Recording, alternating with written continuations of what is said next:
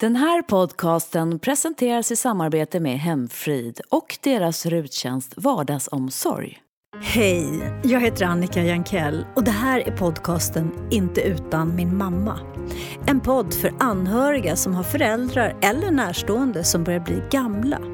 Många äldre bor hemma men behöver lite extra stöd, hjälp och sällskap. Inte sällan faller omsorgen och ansvaret på de anhöriga. Och hur mycket man än vill stötta de man älskar så är det idag, för de allra flesta i alla fall, omöjligt att finnas till hands dygnet runt. Vilket inte sällan leder till oro och dåligt samvete. Jag vet att jag inte är ensam om att vara i fasen av livet när man blir förälder till sin förälder. Men mina gäster här i podden lyfter även hur det är att bli äldre, om sina livserfarenheter och vikten av att få behålla livskvalitet och hälsa genom hela livet. För det gäller att ta tillvara på livets alla ögonblick. Välkomna! Det här är Inte utan min mamma.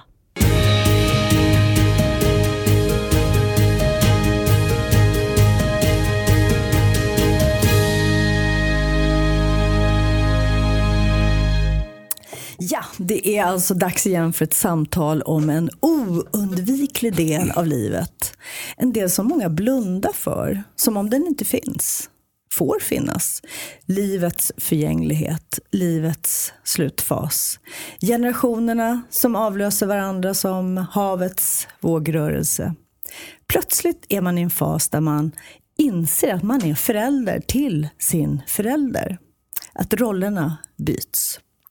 Idag har jag det stora nöjet att presentera en kille, säger vi. En kille som berört mig så många gånger, inte minst genom hans unika förmåga att sätta ord på det mest smärtsamma och tabubelagda. Och ska jag välja en titel så får jag ägna hela podden åt det. Eh, författare, artist, komiker, estradör, manusförfattare eller bara Queen of fucking everything. Nu kommer du in och rättar mig här. Ja, det blir mycket lättare så. Mm. Sen jag kom på att jag var queen of fucking everything så, så behöver jag inte presentera mig mer. Skönt. Ja, det är jätteskönt. Att kunna identifiera sig som det. Ja, drott, på Instagram nu så skriver jag ofta under drottningen. Ja, men vad skönt. Sålunda talade drottningen. Ha, har du mött drottning Silvia och eh, presenterat dig så någon gång? Uh, nej, men uh, när jag uh, blev utsedd till Årets homo och fick ta emot priset av kronprinsessan Victoria, mm. då sa jag att Victoria, du är vår kronprinsessa, men ikväll tror jag att, vi, att jag är vår lilla drottning. Ja, och, då och då skrattade hon och, och, och höll med. ja, men jag, jag, ja, den är bra. Jag tänkte också så här, men du är ju på något vis mästare att sätta skrattet i halsen. Mm. Det är lite din specialitet skulle jag säga. Jag kan vända väldigt, väldigt snabbt från det uppsluppna och roliga och till och med tramsiga till, till eh, ett riktigt knivskarpt allvar. Och jag ser inte att det finns någon gräns mellan de där. Jag tycker inte det ena är finare och det andra är liksom folkligare eller någonting. Utan jag tror att det är bara en del av att vara levande varför jag så starkt ville att du skulle vara med i den här podden, det är för att jag blev väldigt berörd när du talade, dels i ditt sommar i P1, men också skrev din senaste bok, till minnet av en villkorslös kärlek, mm. om din mamma. Och eh, när hon drabbades av demens i väldigt många år. Mm. Och det, det, tog mig starkt, för jag blev så fundersam. Hur, hur du upplevde det här och de här första stegen in i den här sjukdomen. Hur upptäckte du det och hur smärtsamt var det? Det kom, det, det, det kom mycket frågor till mig. Ja, börja med en av ja, frågorna. Ja. Då, då, då vill jag börja med att fråga dig vi kan, vi kan börja din, relationen till din mamma. Alltså, jag var ju, eh, som det också beskrivs i Till min av en villkorslös kärlek, jag var ju morsgrisen. Mm. Och det kom så av att mamma höll på att dö när jag föddes. En brusten blindtarm ledde till en bukhinneinflammation som inte upptäcktes och hon var döende. Och, eh, de la den nyfödde, eller det vill säga jag och mig, då, på mammas bröst för att hon skulle bara få en gång få ha sett mig. Hon brukar säga att hon tittade in i mina ögon och förstod att nej men den här lilla kraken klarar sig inte. Så hon förstod att hon måste fortsätta leva för den här lilla krakens skull. Och, eh, och då, där och då så bildades ett förbund av villkorslös kärlek mellan mig och mamma. Och det var inte alltid lätt att vara så bunden. Och, så. Eh, ja, och, och, mammas kärlek var inte heller bara så där rosen. Hon var, hon var en mycket komplicerad kvinna. Mm. Hon var fascinerande, och intelligent, och charmig och karismatisk men hon var också självcentrerad och ibland till och med grym.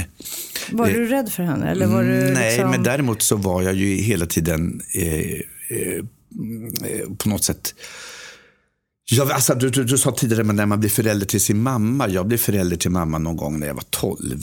Ah. Och sen dess har jag varit förälder. Hur, hur, hur då menar du? Eh, vår familj som var rätt dysfunktionell, den gick åt fanders i ganska starkt missbruk. Mm. Eh, och, eh, där, och, och, och, denna sociala skam fick inte då yppas utåt och ingen fick säga någonting till någon. Men mamma måste yppa någonting till någon så hon utsåg mig till sin terapeut. Ah, när jag var 12. Blev så, du medberoende? Jag blev så medberoende av att hon behövde bara prata, prata, prata, prata. För att liksom skydda den familjemedlem som, som eh, var i det här beroendet. Mm. Och just det pratar jag, just det pratar jag inte om. Men det, men det gör att jag, när jag var, från jag var 12 år så var, växlade jag och tog liksom en föräldraroll gentemot mamma. Sen blev mamma, mamma var ju redan från början en väldigt speciell och väldigt e- excentrisk kvinna. Eh, jag tänker att hon hade ADHD så det skvätter om ett, men det vet man ju inte. Och eh, så småningom efter skilsmässan så blev hon manisk och, man och alkoholiserad. Så när de där första tecknen på demensen kom var det svårt att säga för att hon var en knäppjök mm. på många sätt redan innan. Så du hade inte en, alltså det låter ju både oerhört smärtsamt men samtidigt så var du klarsynt över att hon var så speciell. Så att... Ja, men jag älskade naturligtvis mamma, uh eh, det gjorde jag. Och eh, jag, redan när jag var tonåring så hade jag, i och med att mamma mådde så dåligt så var det så att varje dag jag kom hem efter skolan på gymnasiet, när jag öppnade dörren till den lilla tvåa vi bodde i, en liten rivningstvåa utan kontrakt. För mamma, ja. Sen fick mamma lägenhet av socialen så småningom och det var ju bättre. Mm. Men då vet jag att då ropade jag hallå och när jag inte fick svar så, så gick jag igenom lägenheten, öppnade garderobsdörrar, hallar, kök. För att jag, och hela tiden med beredskap att hon var död, att hon skulle ligga död i något av de här rummen. För det var så, det var liksom, var, var så givet att så skulle kunna vara.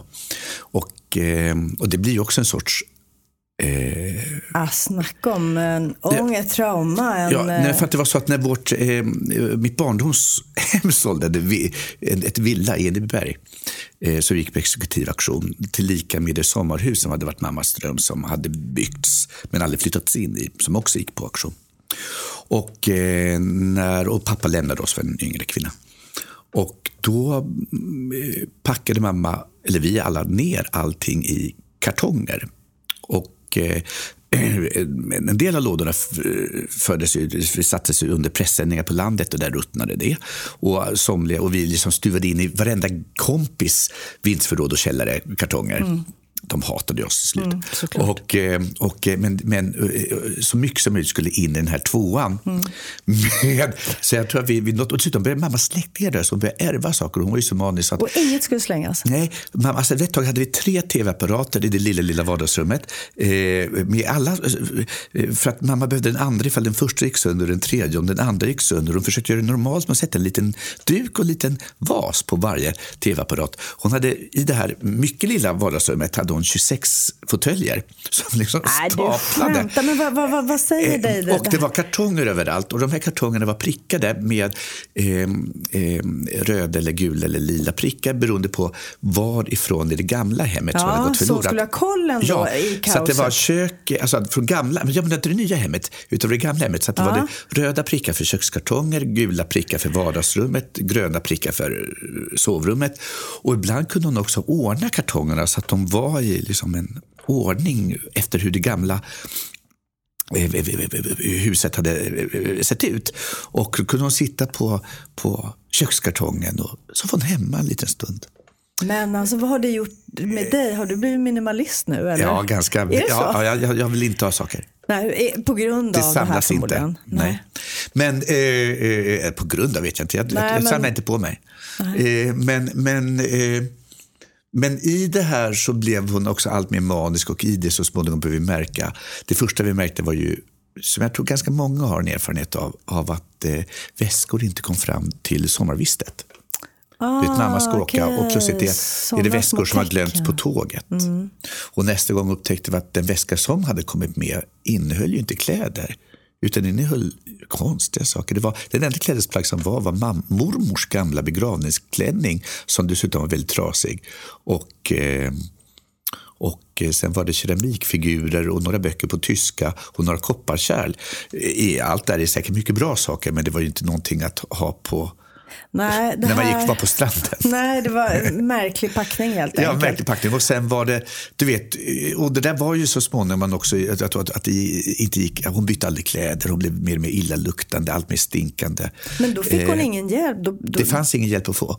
Men pratar ni syskon sådär? Ja, men det var, och försökte man säga till mamma, mamma kan inte du bara ta av dig den tröjan, den vill lukta, jag får tvätta den. Då blev hon så fruktansvärt arg. Kränkt. Ja, oerhört kränkt, så det gick inte. Och jag kunde köpa kläder till, vet, vi köpte, vet, och det liksom, och hon, och hon eh, eh, nej det gick inte. Och liksom också att hon så småningom, man förstod att hon kunde inte längre det här med mat. Eh, Laga mat menar du? var, vare sig laga mat eller hantera mat. Alltså att köpte hon bacon, då klippte hon upp förpackningen och la ut baconremsorna direkt på kylskåpsgallret och sådär. Och det förfar ju då.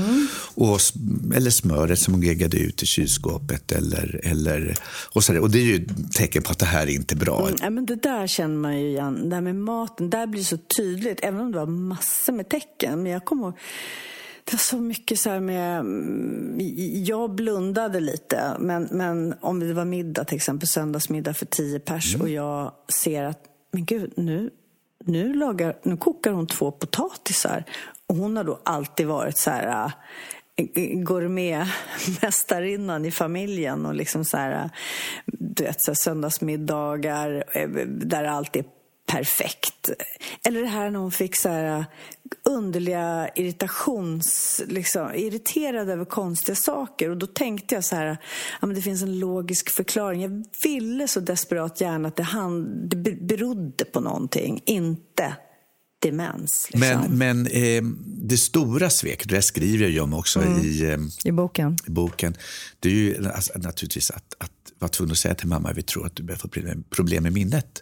Och att du måste, jag, det, du, vi måste tvinga dig till en Utredning. ja, utredning på geriatriska på Huddinge, eller Karolinska i Huddinge som det heter numera tror jag. Och, eh, och det var ju oer, alltså det var vilket svek. Hur kan ni? Hur kan ni hata mig så? Och vad tror ni jag är? Någon jävla idiot? Och jag du vet. Ja, men Och- det och- där och, är eh, ju känsligt. Och det var väldigt känsligt. Förstås. Ja, men Det svåraste och jobbigaste och känsligaste för oss, det var ju när, ja, att ta det här beslutet att mamma ska flytta från sitt älskade, trygga hem som är hon. Alltså det går inte att förklara för någon, tror jag, som inte har varit just i den situationen. För att man känner sig, ja, men, dels att man känner sig som en svikare såklart, men, men också det är djupare. För det, det står för någonting som, som eh, det är så svårt att, så här, hur gammal man än är som barn, att behöva ta det beslutet. För det är liksom ett, ens hem är ens borg.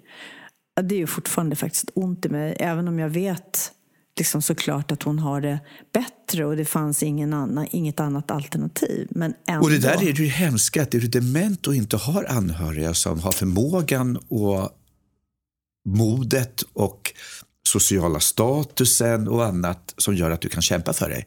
Då hamnar du, kan du hamna lite varstans. Och det är ju exakt det man märker, responsen vi får när vi gör den här podden. Det där är väldigt många som känner igen. Vad, vad gör de som inte kanske har några anhöriga? Nej, det är hemskt. Jag tala om en gång mamma som du vet, ramlade, bröt någonting eller måste in på akuten. Eh, Du vet, en dement människa på akuten i Stockholm, det är ju åtta timmars väntan och, och de får hjälp som skriker högst. Eller eh, kräver det. Kräver Ja, och har någon anhörig som hjälper till att Ja, skrika. men du vet, de som inte har någon där, de får ju ligga där i korridoren Ja. och, och må dåligt. Men Eh, så att vi behöll henne hemma två år mer än vad någon av oss orkade egentligen. Så hur var den tiden? För ni är ändå fyra syskon. Ja, det, ja, det var bara två som bodde i Stockholm. Mm. Och, eh, så det, vi, alltså, det var ju mycket... Skuld? Dåligt Nej, samvete? inte ett dugg. Ingen skuld. Eh, Nej, skuld lever jag inte med. Så Nej, för det skulle jag tänker så här, åh, jag borde gå till mamma. Ja, det kan har jag- hända, det kan hända, men inte så mycket. Eh, Men däremot var det så att alltså hon, eh, som många dementa så fick hon problem med... eh, eh, Alltså vi kan ju tycka synd, vet, till exempel hon hade svårt med elektricitet så hon eh, hade sönder alla lampor och sladdar i lägenheten. Så hon satt i mörkret. Eh, och hon samlade på saker så att det var, eh, det var så att hon hade en liten, det var så mycket skräp och sopor och gamla minnessaker blandat. Så hon hade en sopborste så hon sopade som små, gångar Jaha, för att komma okej. fram. Alltså, Ja. Det var riktigt... Ja, råttgångar liksom. Ja. Ja. Och där satt hon i mörkret och luktade illa och utan mat. Eh, och då kan man säga att det var hemskt. Fick inte du ont i men hjärtat? är också så här att en människa som är dement av det slaget är alla intryck hon får in Mm. när det är ljust gör ont i hjärnan för du kan inte processa det och det ger dig ångest för du kan inte bearbeta det. Så det att sitta i mörkret för en dement människa kan vara en välsignelse för att du Mm. får inte lika mycket intryck. Det är inte så att åh, du är så synd om det här sitter du i mörkret. Det kan vara jätteskönt Mm. för en dement människa att få sitta i mörkret. Gud vad skönt att du säger så. Du vänder på det i, i min värld. Man har inte faktiskt vare sig tidsupplevelsen och så småningom för en dement människa som också kämpar emot, hur mycket den kämpar emot, så småningom försvinner jag, eh, jaget. Och Det kan man tycka är hemskt, men det sköna med det är att du också blir fogligare och du glömmer oförrätterna. Jag menar, när jag hade, vi hade fått in henne på ett hem och hon var så jäkla arg morsan. Oj vad arg hon var. Det vill hon inte. Det ville hon verkligen inte. Vad det är för dumheter. Oh, vilka dumheter. Hon hatade alla. Hon fick någon middag där som också beskrivs i bokens första. Och då hade hon gjort sig till med en trerätters. Det var lite silthallig, det var pannbiff och sen så var det någon eh, Efterrätt. efterrätt med saftkräm.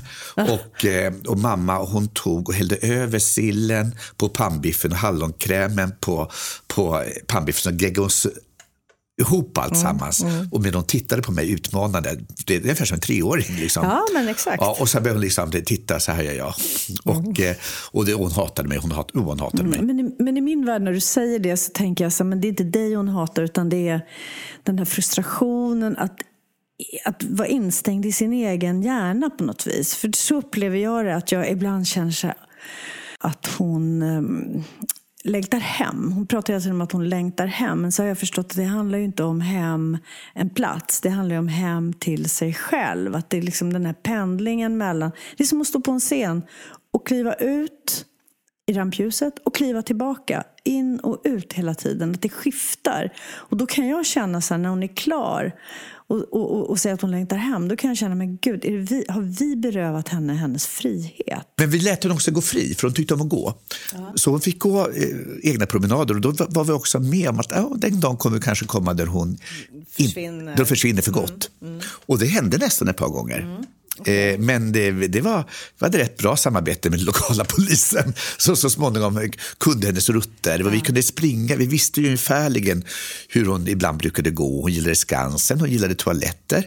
Eftersom hon hade problem med framfall så behövde hon liksom hitta toaletter. Så det var väldigt mycket att, att ja, eh, ni måste gå på Skansen, ni borde alla årskort. De har fantastiska toaletter. Ja, de toaletterna så. Ja, och härligt med toaletterna. Eh, och, och, så gick hon till krogar och, och så tog in mat. Hon kunde inte betala för sig längre.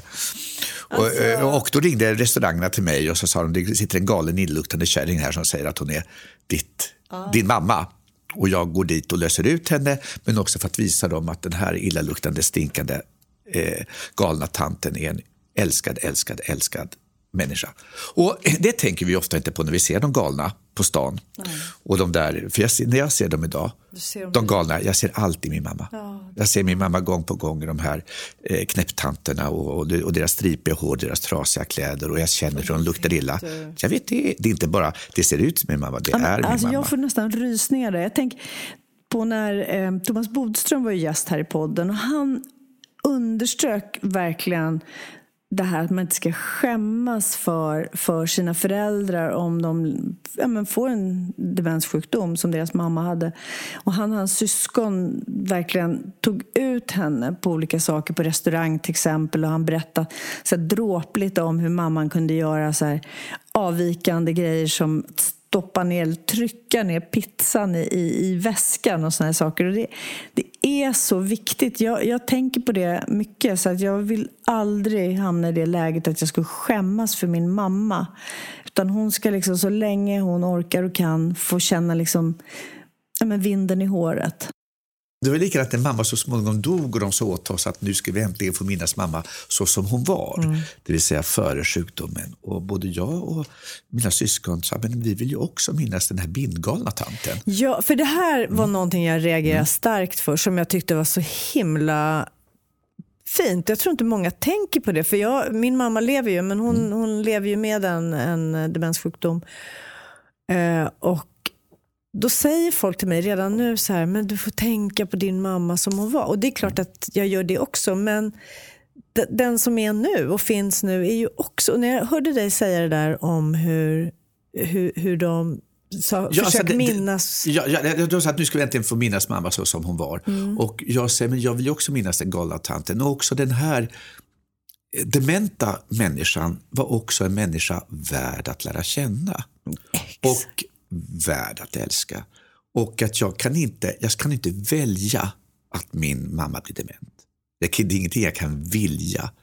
Men ibland måste vi förstå att lära oss att välja det oundvikliga. Det vill säga, det kan inte vara på något annat sätt och därför måste jag välja det. Mm. Gå in för det. Istället för att gräma mig och vara bitter över det, så välj det. Och se eh, det vackra som också finns i demensen. I, i, i ögonblicket långt efter mamma inte längre kan eh, prata längre. Hon kunde bara raja på slutet. Och det gällde de flesta där på demensboendet. Mamma var ju, bodde, var 14 år nästan. Och man kom upp och det som till exempel funkade var ju ofta sången. Och eh, vi är ju frikyrkofamilj så att du sjunger de gamla mm. psalmerna, Härlig i jorden, och Blott en dag, ett ögonblick. Hon... Eh, jo, inte bara hon reagerade utan också de andra gamlingarna som satt där mm. i sina universum. Världar, ja, ja. På uppehållsrummet. Plötsligt kunde man se hur liksom någonting klickar till i dem och deras mm, käkar börjar mala och deras läppar, munnar forma ord de egentligen inte längre kan. Men vad, vad, vad skulle du säga är din definition av lycka? Lycka är ett tillstånd som du bara kan uppnå i korta ögonblick. Och lycka i regel är någonting som du överrumplas av. Du kan, just det där ögonblicket du tittar ut över den nedåtgående solen och ungarna spelar fotboll i skymningen och du sitter med ett glas rödvin och tänker shit, just nu i mitt liv fullkomnat. Små euforiska ja. isolerade ögonblick. Ja. Så alla som jagar lycka som om det var någon fasanjakt, något, något till, permanent tillstånd, de, de, det är en livslögn. Ja, det finns inte. Nej. Utan lyckan är någonting man uppnår i korta ögonblick. Och du kan kanske träna dig i att inte uppnå det, för det gör du inte, men att känna igen det. Känna igen ögonblicket. Kicken. Ja. Jag måste äh, fråga dig Jonas, äh, när du skrev din bok Till minne av en mm. villkorslös kärlek som handlade väl, det var ett kvinnoporträtt. Mm. Som, och då har jag funderat när jag läste den, funderat så här, förändrades din bild av din mamma genom att du valde att skildra henne mer som den kvinna hon ja. var än din morsa? Ja, det var sagt. viktigt för mig att hon inte skulle bara vara en mamma. Eh, Varför det? Att, eh, därför att, ja, dels är det så inom litteraturen att män brukar få vara oerhört komplexa medan kvinnor reduceras till en eller två egenskaper. Eh, du är den, den idealiserade morsan eller du är den demoniska morsan, du är älskarinnan och du är det i regel i relation till en man. Mm. Eh, och för mig var det viktigt att mamma skulle vara, så som mamma också var, eh, oerhört intelligent och charmig och begåvad men också eh, elak, självisk och excentrisk. Jobbig som fan, påfrestande och underhållande. I, alltså att vara så komplex och mm. motsägelsefull som, som hon är. Och att dessutom var det väldigt spännande att få skriva ett kvinnoporträtt på 1900-talet eftersom mamma var född i en tid då, då eh, det var oerhört svårt att, bara tänka till exempel att hon ville gå på universitetet, var eh, oerhört få mm. kvinnor som lyckades, inte ens inom medelklassen och överklassen, komma till. hon hamnade väl på sådana här test? Ja, ja, ja, ja, ja, hamnade, ja, ja. Eller hamnade, men ja, var på sådana ja, nej, alltså, ja, när hon, hon, hon, och hennes systrar var små så togs de till läkare som mätte deras skallar och ställde några frågor och, och sen kom ett utlåtande om vad de var ämnade att bli. Och, att, eh, och då kunde man se, av, när man ser vilka val de hade. Spektrumet var eh, folkskolelärare, eh, sjuksköterska eller sekreterare. Det vill säga vårdande, servande yrken. Härligt urval. Inget fel med något av dem. Nej, men jag menar men, jämförelse med killarna. Ja, ja, killarna fick drömma stort. Mm, de fick göra vad de ville. Mm. Så det var väldigt viktigt för mig. Och, och jag också bestämde mig för att jag inte skulle sträva efter att bara bekräfta min, min bild av vem mamma mm. var. Utan jag faktiskt riskerade mamma. Jag läste på allt jag kunde om henne och jag träffade alla kvarvarande bekanta hon, ha, hon har och liksom verkligen forskade på henne. Och eh, både bilden av mamma och pappa förändrades mycket. De blev Ingegärd och Bertil för mig. Ja, och det var väldigt spännande. Du kallar henne för Ingegärd i, ja. rakt igenom. Och inte heller Ingegärd Gardell utan Ingegärd Rasmussen. Ja. Rasmussen, hennes flicknamn. Ja, och eh, för att skilja henne från Ingrid Gardell som var mm. lite för mycket min mamma. Mm. Och, eh, och där kan jag ju se ett exempel också. Jag kan se de negativa sidorna, att både eh, Ingrid och Bertil, då, att de var såna elitister. Att de var liksom, att de hade verkligen att de var lite snobbiga i sin, sin syn på... Liksom, det var liksom 60 och 70-talet var också 50 var det där framstegen och vi skulle liksom till det nya samhället. Och, och jag tänker mig att varken mamma eller pappa egentligen borde skaffat barn. Jag är ju glad att finnas till. Men, men vi var ju en del av ett projekt och jag tror pappa aldrig riktigt tyckte det blev så där lyckat. Nej, så de var, de, var, de var ganska självupptagna helt enkelt? Oerhört självupptagna. Mm. Och även om mamma var på många sätt en fantastisk mamma så var hon ju också eh, väldigt självupptagen i sin mammighet. Eller på mm. sitt sätt, det sätt hon var mamma på. Eh, men har din bild av henne förändrats genom att du har skrivit och då ja. fått bearbeta? Ja. Så det har varit terapeutiskt nästan? Ja, men, men också att jag tycker att jag, jag har en mycket mer mångfacetterad och komplicerad bild av Ingegärd. Eh, eh, samtidigt som den inte heller är, är den är långt ifrån den vare sig idealiserade eller demoniserade modern. Utan den är en, en kvinna på 1900-talet som kämpade på i en tid där man fan fick kämpa om man skulle som kvinna komma någon vart. Ja, exakt. Eh, och där är ju, när man ser henne framåtlutad på fotografiet så kanske man måste komma ihåg att varför går hon så där framåtlutad? Jo, men det du inte ser på fotot var att det blåste som fan. Det där är inte min bild, det faktiskt en bild Olof Lagercrantz har av Palme. Men, men, men, eh, när vi då talar bara om, om just det här att bli, bli äldre. Har du eh, genom att ha en mamma då som har fått demens, och, och liksom, har du skräck för att bli gammal? Har du fått någon Jag är inte skräck för att bli gammal. Nej. Jag tycker om åldrandet så långt. Mm. Mm. Uh, ja, men så jäkla gammal är du ju inte än. Nej, men jag tycker att jag är gammal. Ja, men, men det, det är någon konstig... Ja, men du vet, jag debuterade som 21-åring. Ja. Jag har skrivit, du vet, eh, du vet ute i den stora världen, när folk behandlar mig som, du vet, det är ju, det är ju eh, eh, du vet, du är ju legend. Du är legend. Ja. Och, det, och, det, och, om jag får höra det väldigt många gånger per dag så tänker man sig, ja men jag har väl gjort ganska mycket då. Det har jag ju. Ja. Så, att det var, så att det är nog mer sådär att, och det var, det var eh, och, och jag, jag, jag, blir ofta behandlad som jag är lite äldre än vad jag är och det tror jag har att göra med att jag har börjat så tidigt, börjat så tidigt och, gjort, så mycket. mycket ja. Ja. Så att min produktion är äldre än vad jag är. Ja, okay. Men, men, men eh, eh jag är, är, däremot jag är rädd för demenser så tillvida att jag vill den verkligen inte. Nej. Jag vill den inte eh, och att jag hoppas att jag ska kunna upptäcka den i så god tid att dagens bromsmediciner ska ge den ett mycket långsammare förlopp. Mm. Om det är så. Så hur skulle du, om du skulle hamna där, hur skulle du vilja att dina ungar tog hand om dig? Jag talar nu om att det här är ju ett, jag ska säga, man räknar med att de anhöriga ska ta, hand om mm. Eh, du vet, våra äldre eftersom det inte finns resurser. Samhället har inte resurser. Jag, jag är så rik så att jag har ju resurser. Ja, du tänker så. Ja, ja nej, och sen det. tänker jag också att om jag känner mig själv rätt, jag är ju så organisatorisk. Mm. Eh, så du fixar? Ja, jag skulle nog ha fixat det långt innan, innan barnen hann gripa in. hade jag redan gjort en handlingsplan för alla. Jag funderar mycket på just det där, eh, jag möter många som tar hand om sina gamla föräldrar, eller just det där som du i av, mm. har saknat, då, det här med skuld. Att Gud, nu är jag inte där och jag måste dit. Jag kan ha dåligt samvete för att jag, om jag inte varit där på ett tag, men samtidigt är det så jäkla tråkigt när man väl är där för att man har ingenting, du vet, det är en envägskommunikation när det har gått väldigt långt. Eh, med mamma på det demenshem, vi valde ett väldigt bra demenshem och vi kämpade i ett par år då med att, att ta hand om henne själva innan, långt efter att vi borde, inte orkade mer längre eller kunde mer.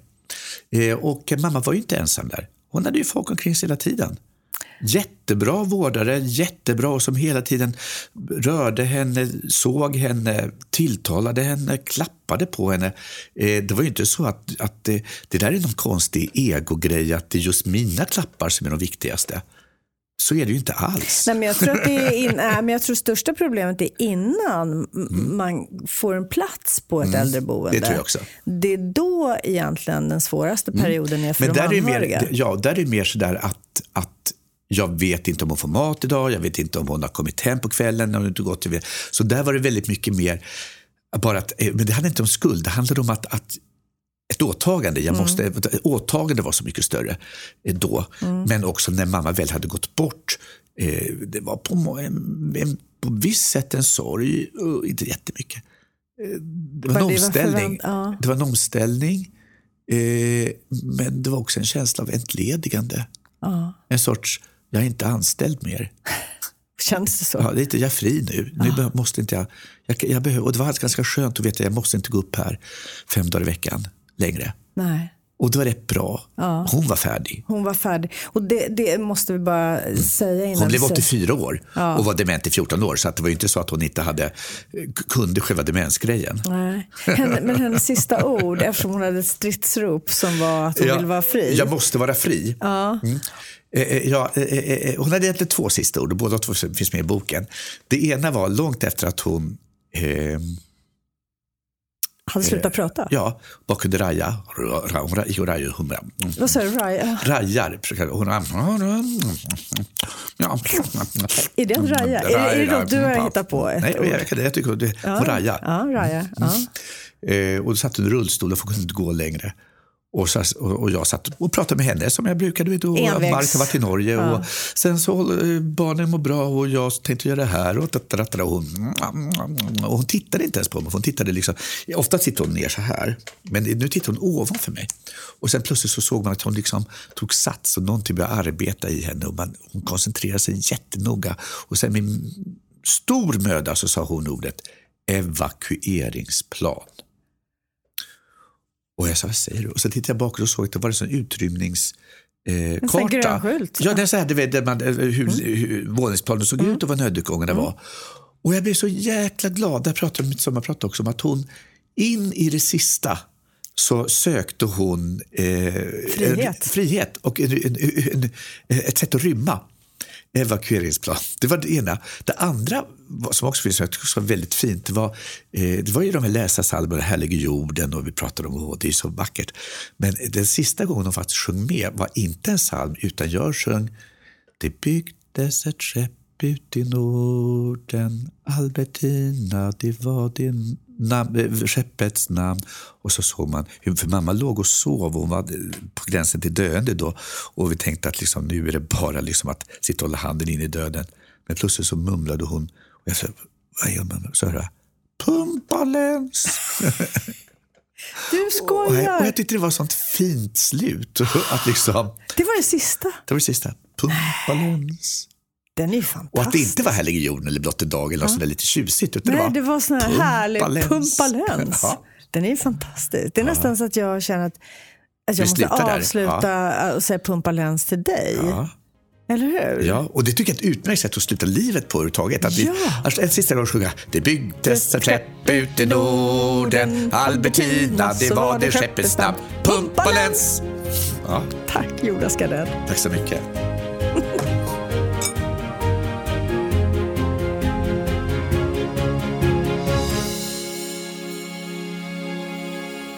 Med Hemfrids nya ruttjänst Vardagsomsorg erbjuder vi extra hjälp i hemmet för en äldre person i din närhet.